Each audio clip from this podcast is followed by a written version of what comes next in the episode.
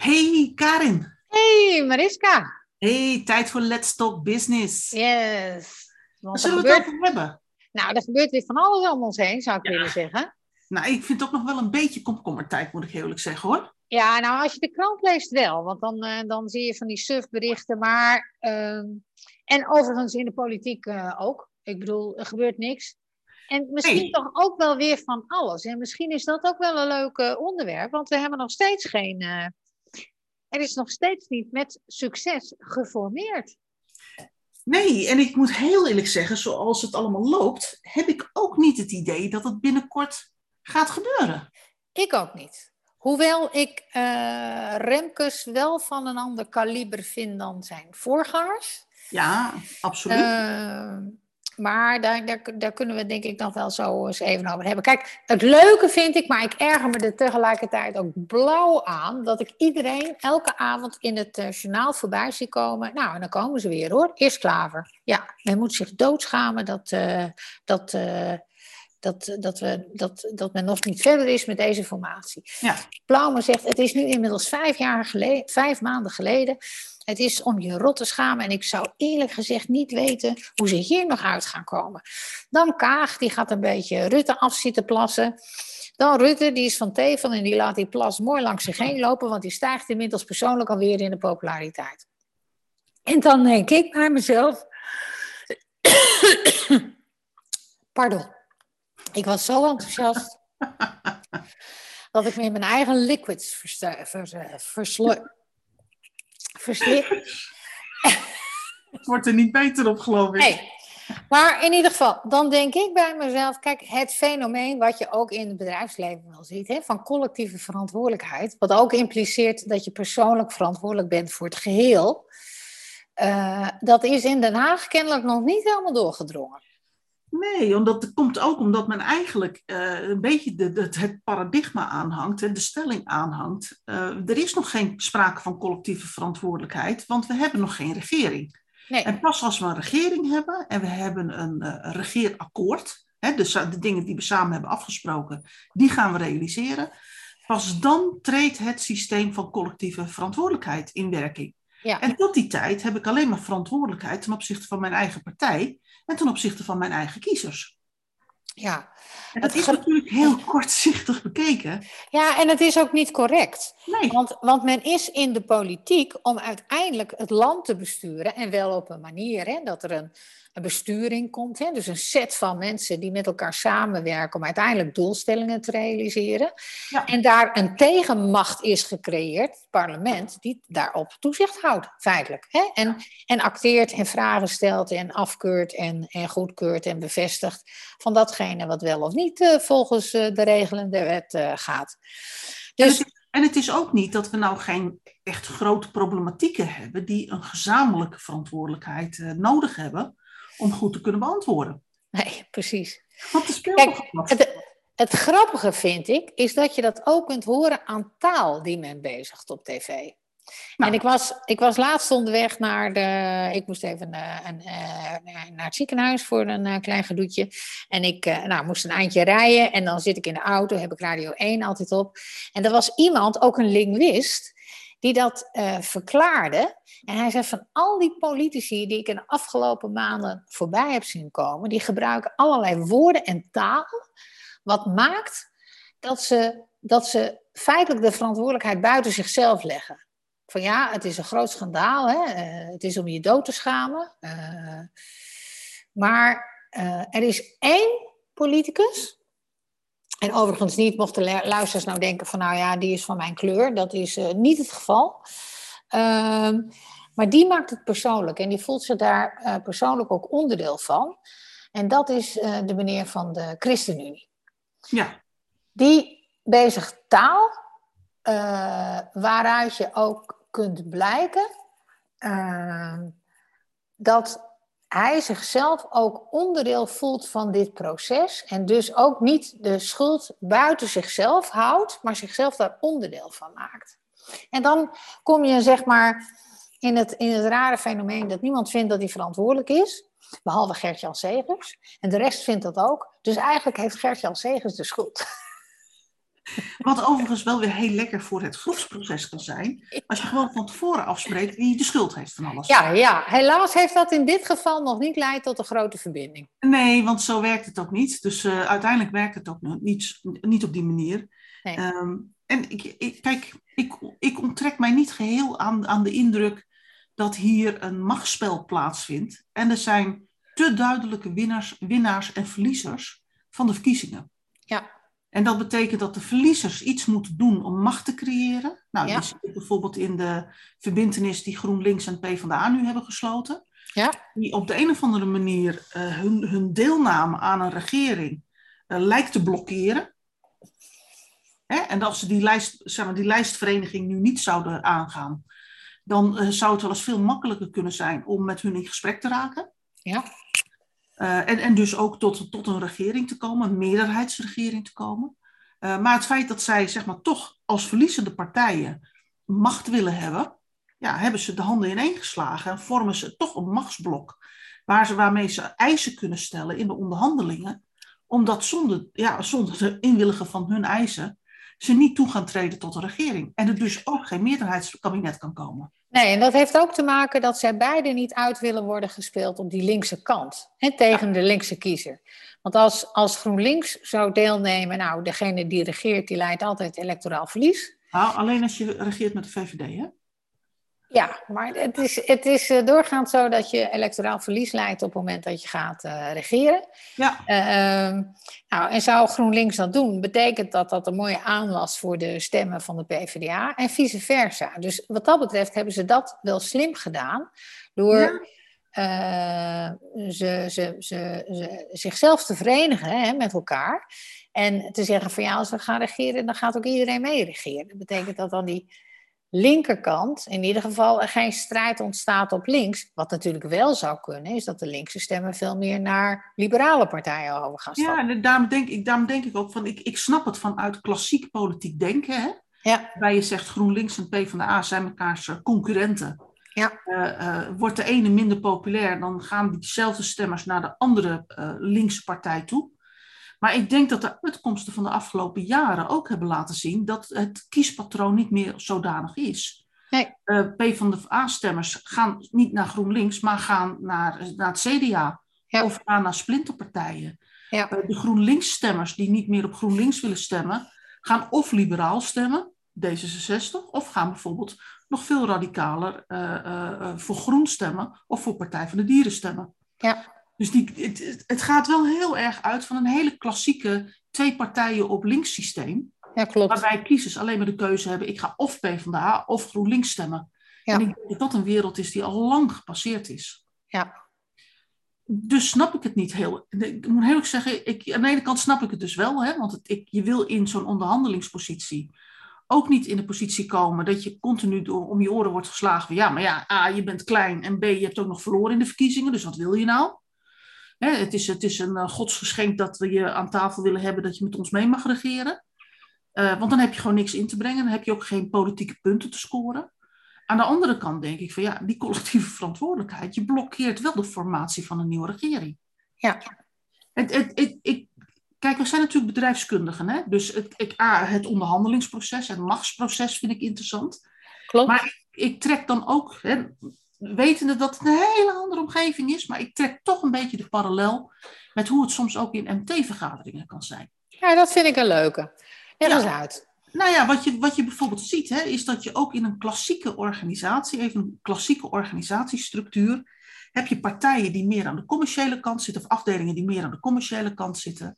Je hebt afdelingen die meer aan de productiekant zitten en waar verschillende belangen in spelen. Ja. Zo heb je, eh, ik noem het maar, ik heb, ik heb veel bij verzekeraars gewerkt. Daar heb je marketing en verkoop, alle twee vaak in MT's zitten. Uh, je hebt de productieomgeving, dat is zowel acceptatie als schade in het systeem zitten. Daar zit dan vaak ook een actuariaat nog bij, wat gaat over, uh, over schadelast en schadelastbeheersing en Ja. effect op rendement, moraliteit, bladibladibla. Die Ja. Dat is een cluster.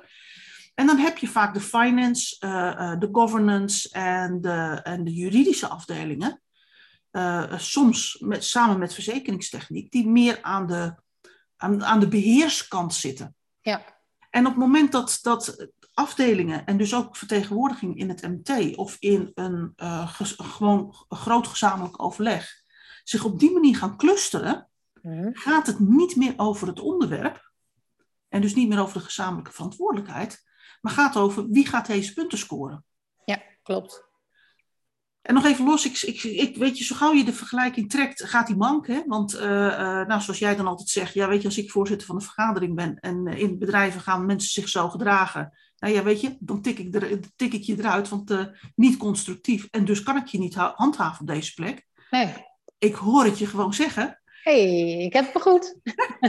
en zo werkt dat natuurlijk in de politiek niet. Maar ik, ik zie ook gewoon zeg maar, onderliggende patronen die, die hier op dezelfde manier gaan spelen, ja. als dat je soms ook in grote organisaties ziet. Ja.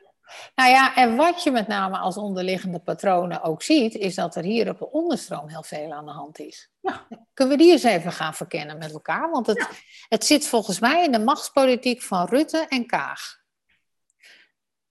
Ja, en, en dus ook van die twee linkse partijen. Juist. Ja. Die het gevoel hebben dat ze door die strijd tussen Rutte en Kaag niet meer meedoen.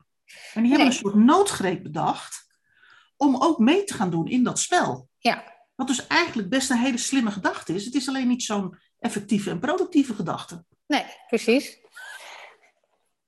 Maar leg jij eens uit hoe je het ziet tussen Rutte en Kaag. Nou, dat, dat, dat weet ik niet. Eh, wat ik wel constateer is dat, dat Rutte het in mijn optiek, hoewel ik uh, vind dat hij uh, zijn tijd wel een beetje gehad heeft, ehm, in het kader van geen actieve herinnering. Mijn kinderen lopen hier de hele dag te zeggen op het moment dat ik hun iets vraag, dat ze geen actieve herinnering hebben aan het feit dat ik dat eerder heb gevraagd. Wat briljant, weer hele beide handen kinderen. Ja, dus in die zin heeft hij wel indruk gemaakt. Ik weet niet of dat nou de indruk is die je wil maken op uh, twee pubers als politicus, laat staan op de rest van het land. En toch zie je dat door verloop van tijd en de manier waarop hij gewoon weer in de dagdagelijkse dingen meedoet en uh, de tijd zijn gang laat gaan, dat uh, de populariteit van Rutte alweer stijgend is. Dus wat mij betreft doet hij dat gewoon heel erg slim. Ja, en ik, ik moet heel erg zeggen, ik zat gisteravond naar het journaal te kijken en ik had echt zoiets van, daar gaan we weer. Hij heeft tijden, de, de, eigenlijk in die vijf maanden van de, van de formatie tot nu toe, heeft hij aangehouden, nee, nee, nee, maar ik sta nu in de Kamer niet als uh, demissionaire minister-president, maar ik sta hier als, uh, als uh, Kamerlid en, uh, en fractievoorzitter van mijn partij. Ja, en gisteren verkondigde hij opeens dat hij vindt dat uh, mensen die een positie hebben, in, ook in een dimensionair kabinet, geen kamerzetel mogen hebben. Nee. ja, met evenveel stelligheid. En daar wordt hij dus niet op aangevallen. Dan denk ik van, ja. heeft nou niemand daar een actief geheugen aan of zo? Ja, dat, daar, daar zouden wij een uh, wat groter actief geheugen kunnen hebben. In die, uh, in die draaiingen van Rutte, waar die zo makkelijk mee wegkomt. Maar uh, feit is wel dat zijn populariteit hè, onder het volk, wat, wat, wat toch echt een knauw had gekregen door, uh, door zijn opstellen en ook door en de manier waarop hij daarmee omging, uh, dat dat weer, weer grotendeels hersteld is. En dat doet hij knap. En dat doet hij op een manier, want daar heb ik wel naar gekeken, door feitelijk te zeggen van nou, weet je, we gaan gewoon weer aan het werk en in het kader, als je geknipt wordt, moet je stilzitten en even niet bewegen. Nou, dat doet hij dan ook een tijd. En vervolgens uh, laat hij zich weer, uh, weer rustig aan zien. Ja, ik, het enige is, ik, we hebben natuurlijk met elkaar uh, massaal Donald Trump, zeg maar, toe, of uitgelachen, zou ik maar zeggen. Ja, ja. En onze, onze verbazing uitgesproken dat het Amerikaanse volk zich zo door een, door een president laat... ja, Ringeloren eigenlijk, hè? Ja. Piepelen zou ik bijna zeggen. Ja, maar... Uh, wij, zijn, wij zitten hier thuis altijd een beetje besmuikt te lachen over de capriolen van, uh, van Boris Johnson in de, in de UK. Ja. Die precies hetzelfde doet. En vervolgens zie je hier Rutte precies hetzelfde doen. En er is, wat, wat mij ook verbaast is dat de media, gewoon de, de geschreven media, de kranten, de, de, de nieuwssites, hebben het hier niet over. Nee, helemaal niet. Het is, gewoon, het is gewoon stil. Het is gewoon bijzonder. En dan is het natuurlijk veel interessanter om, om in de krant te lezen dat een, een mevrouw als haar schoonheidsregime kinderen krijgen benoemd. Ze heeft op slotverrekening al acht. Uh, en en uh, dat een gebouw in Middelburg gebouwd is met een hele bijzondere constructie. Namelijk dat de letters de drie gebouwen samen het woord lul spellen. Het is toch niet te filmen, dit land. Weet je, dan denk ik bij mezelf, als dit het nieuws is van dit land, wat zijn wij dan een rijk volk? Hè, ja. Als dit onze problemen zijn, ja, dan hebben we eigenlijk geen echte problemen. Ja, en, de, de, en die hebben we dus wel. Hè? Want we hebben uh, corona en nog steeds corona. We hebben de afbouw van de corona financiële maatregelen. Ja. We hebben zoiets als een klimaatakkoord. En de hele discussie die daar in de EU over plaatsvindt. Maar ook klimaateffecten, die we gewoon dagelijks zien. Hè? Deze zomer nog grote overstromingen in, uh, in Limburg. Ja. Uh, er is natuurlijk wel van alles aan de hand. Zeker, energietransitie. Groningen ja, is bij mijn weten nog steeds niet afgewerkt. Nee, dat is, dat is de volgende parlementaire enquêtecommissie. Hè? Dus dat, uh... Mensen zijn maar... gewoon, gewoon moe volgens mij van zoveel onmacht en zoveel belangrijke zaken die er eigenlijk zijn. Ze zijn nu in het noorden hier aan de provincie. Stef Blok heeft als demissionair minister in zijn grote wijsheid uh, besloten dat er uh, in de Waddenzee en uh, vlak onder de Waddenzee mag worden geboord naar, de, naar gas. Uh, ja, ik bedoel, alsof er geen Groningen is geweest. Ja. ja. Als, alsof we het niet over ons werelderfgoed hebben. We, we, lossen het niet op, maar we verspreiden gewoon het probleem. Ja. Dus er zou een gasbel moeten liggen onder de Randstad. Ja, ik bedoel, ik, ik, ik woon daar, dus liever niet, zou ik maar zeggen. Maar in principe, als het gaat over uh, uh, dingen op de agenda krijgen, zou je eigenlijk wensen dat er een gasbel onder de Randstad ligt. Ja, eigenlijk wel. Um, en, en, daarmee heb ik, heb ik dan ook wel weer een parallel met organisaties. Organisaties die niet gestuurd worden, want daar praten we over, hè? de BV Nederland, wordt op dit moment niet, niet bestuurd. Nee, dat klopt. Er worden geen keuzes gemaakt. Alle keuzes die gemaakt moeten worden, worden doorgestuurd naar het volgend kabinet. Ja, klopt. Uh, uh, en, en daarmee vindt het land zeg maar, zich een, een weg in hoe gaan we dagelijks opereren. Ja. En daar, en daar kan dus ook gebeuren dat de ene kant van het land een bepaalde keuze maakt om naar links te gaan. En de andere kant van het land de keuze maakt om naar rechts te gaan. Terwijl het volgende uh, hoekje van het land besluit om rechtdoor te gaan. En een ander hoekje van het land besluit om bij de Duitsers of bij de Belgen aan te sluiten. Ja, en wat nou interessant is, hè, want we, nou, om even nog terug te komen op Rutte en op Kaag, hè, is ja. dat, je, dat je in organisaties er nu en dan ook ziet dat het niet alleen belangrijk is om te weten wat er nou de facto gebeurt hè, aan feitenmateriaal, wat je ziet gebeuren in die stoelendans en die ja, bijna rituele rieten rondom uh, Kaag en Rutte en die andere partijen hè, die jij uh, terecht ook, uh, ook meeneemt. Maar dat het soms in organisaties ook belangrijk is om te weten wat ieders uh, motivatie en doelstelling nu is. Want die hoeven natuurlijk niet altijd parallel te lopen met de organisatiedoelstelling. En in dit geval denk ik dat daar uh, heel veel reden voor is om dat maar aan te nemen. Ja, en, en het, het probleem is ook een beetje dat, dat we natuurlijk al zoveel jaar Rutte hebben gehad die uh, uh, zeg maar bij, bij te pas en onpas heeft gecommuniceerd dat hij geen visie heeft voor Nederland, omdat een visie alleen maar in de weg zit, is dat we dus ook geen gezamenlijk beeld hebben over waar dit land naartoe gaat. Exact. En waar we wel en waar we niet op inzetten. Exact. Ja, en dat zit en... ons nu in de weg, nu we dus eigenlijk uh, zeg maar, geen besturing hebben. Er is nee. er ook niks om, om ons aan vast te houden. Er is geen kader, er is geen vergezicht. Waardoor je in onderhandelingen zou kunnen zeggen van nou ja, oké, okay, dit is ons vergezicht, daar hebben we ons al eerder aan gecommitteerd. En als jij dan dat wil, maar dan willen wij dat wel realiseren. Ja, bedoel, wat, is, wat, is, nou belangrijker? Economie of, of uh, het feit dat we blijven bestaan? Dat ja. we niet, als Nederland niet onderlopen. Nee, dus, dus uh, Mariska, als we daarop doorredeneren, zou ik zeggen dat de strijd tussen Rutte en Kaag misschien wel gaat over dat vergezicht over dat Kaag vindt, en de partij die zij vertegenwoordigt, dat er een vergezicht moet komen. En dat zij degene is die die kar moet trekken en niet Rutte. Ja, en dat stuit weer op, op zeg maar, onderstroomproblemen. Omdat als Rutte vertegenwoordigt wel de grootste partij. Exact. Zal ongetwijfeld in die nieuwe constructie minister-president worden. Van, uh, het kabinet gaat dus Rutte 4 heten. Ja.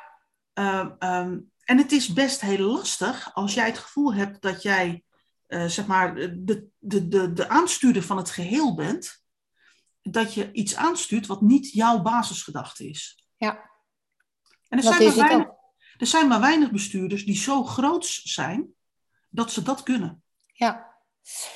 hey Mariska, als je nu kijkt naar de, de taak van, uh, uh, van onze nieuwe vriend, de informateur, hè, de formateur. Remkes. Remkes. Denk je dat hij het gaat redden? Nou, ik vind dat hij een hele mooie, strakke openingsset heeft gedaan. Ja, kun je misschien die eens even vertellen? Want dan, ja, uh... ik, het, het, Remkes is natuurlijk een, een, een onvervalst Groninger. Hè? Ik bedoel, ja. uh, en ik als mede-Groninger kan daar dus ook ontzettend van genieten. Ja. En gisteren zat hij ook, uh, het had, er was zo'n shotje in het journaal. En hij zat ze maar aan zo'n, volgens mij zat hij aan een vergadertafel. Mm -hmm. Dus een beetje zo voorover gebogen, zo, naar de, zo een beetje naar zijn stukken te kijken. En hij zegt, nou, als dit de houding blijft, dan ben ik er wel klaar mee. en dat is, ik, ik, ik, weet niet of iedereen dat kan waarderen, zal ik maar zeggen, maar het is een hele Groningse insteek. Ja. Uh, uh, je moet luisteren, je moet luisteren uh, er moet wat gebeuren. En als iedereen gewoon halstarrig op zijn eigen positie blijft zitten, nou, dan ben ik wel klaar. Ja, want dan, dan gaat er dus niks gebeuren. En dan gaat er niks gebeuren. En dan ga ik mijn tijd er niet aan besteden. Nee, precies. en, dat, en, dat, en het mooie van die uitspraak vind ik, is dat hij daarmee ook heel helder neerzet. Maar luisteren jongens, ik ben dan misschien wel de informateur. En iedereen kijkt naar mij. Maar ik ben niet degene die het doet. Nee. Jullie zijn degene die moeten bewegen. Precies. En daarmee zet hij heel zuiver zijn eigen rol neer. Ja. En ik vind dat hij daarmee een, een, een, echt een, een hoopvolle openingsset heeft gezet. Ja, ik ben benieuwd of partijen daar ook zo op, uh, op reageren. En ja, ik, dat ben ik, ik, ook. Maar ik vind ik, het wel een hele hoopvolle openingsset. Ja, nou, waar ik aan zit te denken is... Uh, want het is een beetje armpje drukken nu, hè, als je er naar kijkt. En ik, ik, ik, ik denk, ja, als je nou armpje drukt, zit daar nou ook een strategie onder? Van, hè, dit, dit armpje gedrukt, dat moet daartoe leiden. Of ik druk net zo lang totdat hij beurs is en dan neem ik de macht over of zo. Ja. Of ik, ik, ik blijf net zo teval en laat alles van me afglijden totdat zij helemaal moe is en ik ga dat langer volhouden, want dat is nou helemaal mijn kerncompetentie. Dat kan ik goed. Dus ik, ik, ik ben wel heel erg benieuwd of jij daar nou een strategie onder zit van een van beiden. Of dat je zegt van nou, ik heb ze nog niet kunnen betrappen op heel veel strategie. Nou, ik moet heel eerlijk zeggen dat ik eigenlijk gedurende de vakantie het uh, slecht gevolgd heb. Ja. Dus ik kan ook, uh, denk ik, heel slecht beoordelen of er nou echt een strategie onder zit. Ja. Wat ik, wat ik wel het gevoel heb, is dat, uh, uh, dat deze hele onderhandeling tot nu toe benaderd is vanuit een schaarsteprincipe. Ja. En dat betekent dat alle partijen in de onderhandelingen zitten vanuit het idee, uh, ik wil er meer uithalen dan jij. Hè? Laat even zeggen, er zijn tien punten te verdelen tijdens de onderhandelingen. Ja. Uh, dan wil ik er minimaal vier. En dat betekent dat die andere zes zijn door jullie te verdelen. En jullie winnen dus altijd minder punten dan ik. Ja. En als jij een punt meer wilt scoren, betekent dat ik een punt minder kan scoren. Nou, dat vind ik niet acceptabel. Nee. Uh, een andere manier om zeg maar, uh, in een onderhandeling te zitten is niet vanuit schaarste, maar vanuit overvloed. Je zegt, hoe bedoel je, er zijn maar tien punten te verzamelen. We kunnen allemaal winnen, maar dan moeten we het op een andere manier met elkaar insteken. Bijvoorbeeld om te praten, joh, wat, wat vinden we nou belangrijk voor het land? Want daar zitten we voor. Wat vinden we belangrijk voor onze kiezers? Want daar zitten we ook voor. Ja. En kunnen we daar nou iets gezamenlijks in vinden? Ja. Want dan kan ik namelijk tien punten binnenslepen en jij ook. Precies. Dat is een dat... hele andere manier van benaderen. En ook veel opbouwender om daar met van elkaar van gedachten van te wisselen. Want dan ben je een puzzel aan het leggen. Uh, uh, waarbij, waarbij je aan het bouwen bent, in plaats van dat je landje aan het verdedigen bent. Dit zijn mijn punten, hè, Coron? Hè? Die wil ik realiseren. Ja, en dan gaat het dus niet meer om dat het is geen win-verlies verhaal. Nee. Uh, maar het is een win-win verhaal. Exact. Ja. Dat is een wezenlijk andere vorm van onderhandeling. En ik, ja. nogmaals, ik heb het tijdens de vakantie, ik heb me er even helemaal van gedistanceerd. Ik heb overigens een heleboel andere dingen wel goed bijgehouden. En daar ga ik op de campus de komende tijd ook van alles over schrijven en publiceren. Maar ik heb me even teruggetrokken uit, uit dit geheel eh, van de politiek en de formatie. Uh, met name ook omdat ik voor de vakantie echt gewoon zag van dit, dit gaat vanuit schaarste en dit gaat tegen elkaar op. En uh, ja, het, ik vind het gewoon niet zo boeiend. Dit hebben we de afgelopen jaren al gezien. En het heeft ons, ja, ik, het heeft ons in mijn ogen te weinig gebracht. Ja. En ik weet wel dat heel veel mensen zeggen van ja, maar we zijn door deze crisis veel beter gekomen dan bijvoorbeeld door de vorige crisis. Maar ik help je graag herinneren dat uh, Rutte al zo lang zit dat hij ook de vorige crisis heeft gedaan. dus je zou bijna kunnen zeggen, hij heeft wat geleerd van de vorige crisis. Nou ja, het is een heel andersoortige crisis. Ja, plus dat de, dat de gevolgen van die crisis, die moeten nog worden betaald, hè? Ja, maar uh, nogmaals, het is een heel andersoortige crisis. Uh, eigenlijk is onze economie uh, draaide heel goed toen we deze crisis ingingen. En dit was een groot van buitenkomend onheil. Ja, dit was ook geen economische crisis of een financiële crisis. Dat bedoel ik. Dus ja, we noemen het ook wel recessie of zo, maar dat is natuurlijk bij gebrek aan be beter woord. We ja. hebben daar gewoon geen woord voor. We hebben gewoon even in de parkeerstand gestaan. Maar in ja. die parkeerstand hebben we nog steeds evenveel geld uitgegeven als anders. Ja, uh, niet evenveel, want we hebben heel veel gespaard. Omdat we natuurlijk alles wat uit eten, uitgaan en dat soort zaken, dat heeft allemaal even stilgestaan. Ja. Maar er is geld genoeg in onze economie. Dus het is een heel andersoortige crisis dan de vorige crisis, waar gewoon structurele problemen in onze economie hersteld moesten worden. Exact. Um, uh, en ik moet heel erg zeggen dat ik op basis daarvan, to, toen de vakantie begon, zoiets had van, nou weet je, ik zie het na de vakantie alweer. Ja. En dat klopt, want we hebben in de tussentijd geen nieuw kabinet. Nee. nou, het is wel interessant om nog eens even te kijken of je een analogie met, een, uh, met het bedrijfsleven hè, nou kunt zien of. Uh, nee, ik moet, ik moet hem anders formuleren. Het bedrijfsleven die kijkt naar persoonlijke belangen die zoveel mogelijk samen moeten lopen met het organisatiebelang. Hè? En als je het hebt over de besturing, dan is dat wel een hele essentiële. Ja. Die kan niet op fundamentele dingen afwijken, want anders heb je gewoon een, uh, een probleem.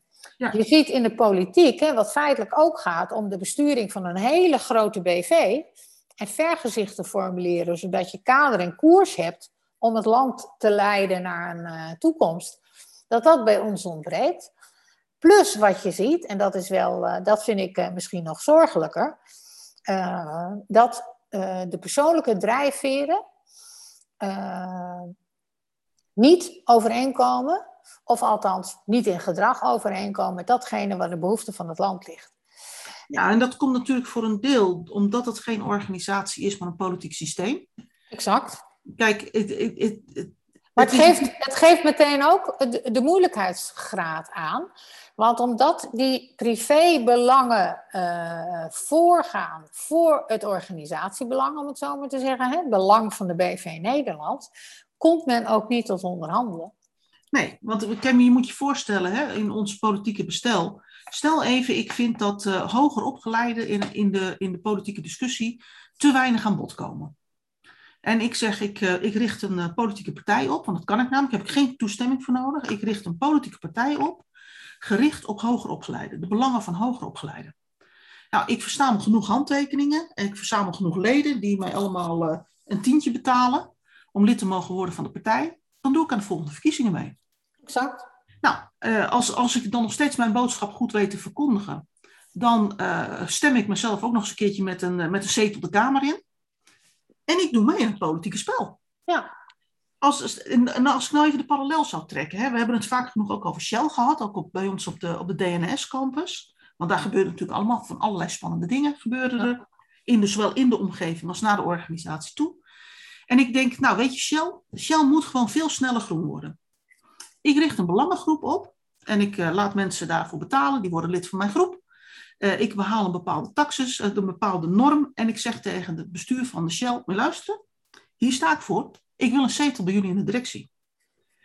Ja, zo werkt dat natuurlijk niet. Dus een organisatie heeft nou eenmaal het voordeel dat je criteria kunt stellen aan mensen die meedoen aan het proces van de organisatie. Ja. Die criteria zijn, als het goed is, gericht op de missie, visie en positionering van de organisatie. Als het goed is wel, ja. Als, als het goed is. Dat, dat, dat zei ik het heel duidelijk bij, volgens mij. in de politiek heb je natuurlijk met, een, en, en dat willen we ook graag, hè? Ik bedoel, laten we wel zijn, we doen nou juist zo'n democratisch systeem, zodat alle stemmen in de samenleving ook mee kunnen tellen en ook gehoord worden. Ja. Dat is een heel belangrijk, uh, uh, uh, een heel belangrijke waarde onder onze, onze samenleving. Ja. Maar ja, wat je nu ziet, is hoeveel partijen zitten er inmiddels in de Kamer? 38, meen ik. Ja, nou ja, ik bedoel, de. Ja, het wordt onbestuurbaar. En het is dus ook wel logisch dat je eigenlijk niet meer tot een meerderheidskabinet kan komen in een Kamer die zo versnipperd is. Nee, maar dat hoeft eigenlijk helemaal geen probleem te zijn. Want hoe groot geef je nou invulling aan de democratie op het moment dat je met een minderheidskabinet zou gaan regeren? Dan geef je heel veel ruimte aan de democratie. Ja. Want dan moet er door alle belang, belanghebbenden die in de Kamer zitten, moeten gestemd worden over een voorstel. Precies. Maar Dus ons, paradigma er nog van uitgaat dat je een meerderheidskabinet moet hebben, zodat je in principe genoeg stemmen hebt om elk besluit wat je voorlegt door de Kamer te krijgen, krijg je dus nu dat je meerderheidskabinetten moet samenstellen met vijf partijen. Ja. En dat is bijna onmogelijk. ja, dat is bijna onmogelijk. En sterker nog, hè, elk voorstel wat daaruit komt is per definitie een consensusvoorstel. Ja, precies. En geeft dus nooit richting. Nee. Dus wat mij betreft ehm, eh, zou je eh, moeten komen tot het formuleren van een minderheidskabinet. En dan is zelfs de vraag of het een minderheidskabinet van twee partijen moet zijn. Ja, dat, dat, dat, dat, dat weet Waarom ik zou niet. je? Ja, Ja, dat, waarom zou je? dat hoeft helemaal niet. En Als, Rutte je maar, als als je maar een meerderheid krijgt in die Tweede Kamer. En dat maakt het besturen eh, misschien wat lastiger. Hè? Want je moet overal fiat voorop halen. Maar dat betekent wel dat je echt recht doet aan onze democratische waarden.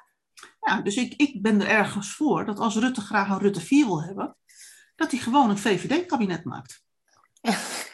En dan maakt hij voorstellen en dan gaat hij, hij moet zijn voorstellen dus zo maken dat hij eh, dingen goedgekeurd krijgt in de Kamer. Nou ja, en misschien kun je op die manier eh, eh, Rutte ook wel dwingen om te komen met een vergezicht. Ja.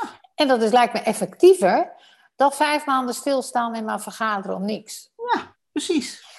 Nou, Nou, volgens, we hebben het opgelost. ja, volgens mij is dit een mooie manier om af te sluiten. Remkes mag het van ons lenen. Ik zou bijna zeggen, van de twee Noorderlingen die wij zijn, naar de Noorderlingen die de, de, die, die de, de, de formatie vlot moet trekken, je mag het zo meenemen. Zo is het. Hey, wij spreken elkaar. Ja, hebben doen we. ongetwijfeld wel weer een ander leuk onderwerp. Ja, volgens mij ook. Maar dit was een mooie. Hey, tot de volgende ook. keer, hè? Hey, tot de volgende keer. Doei.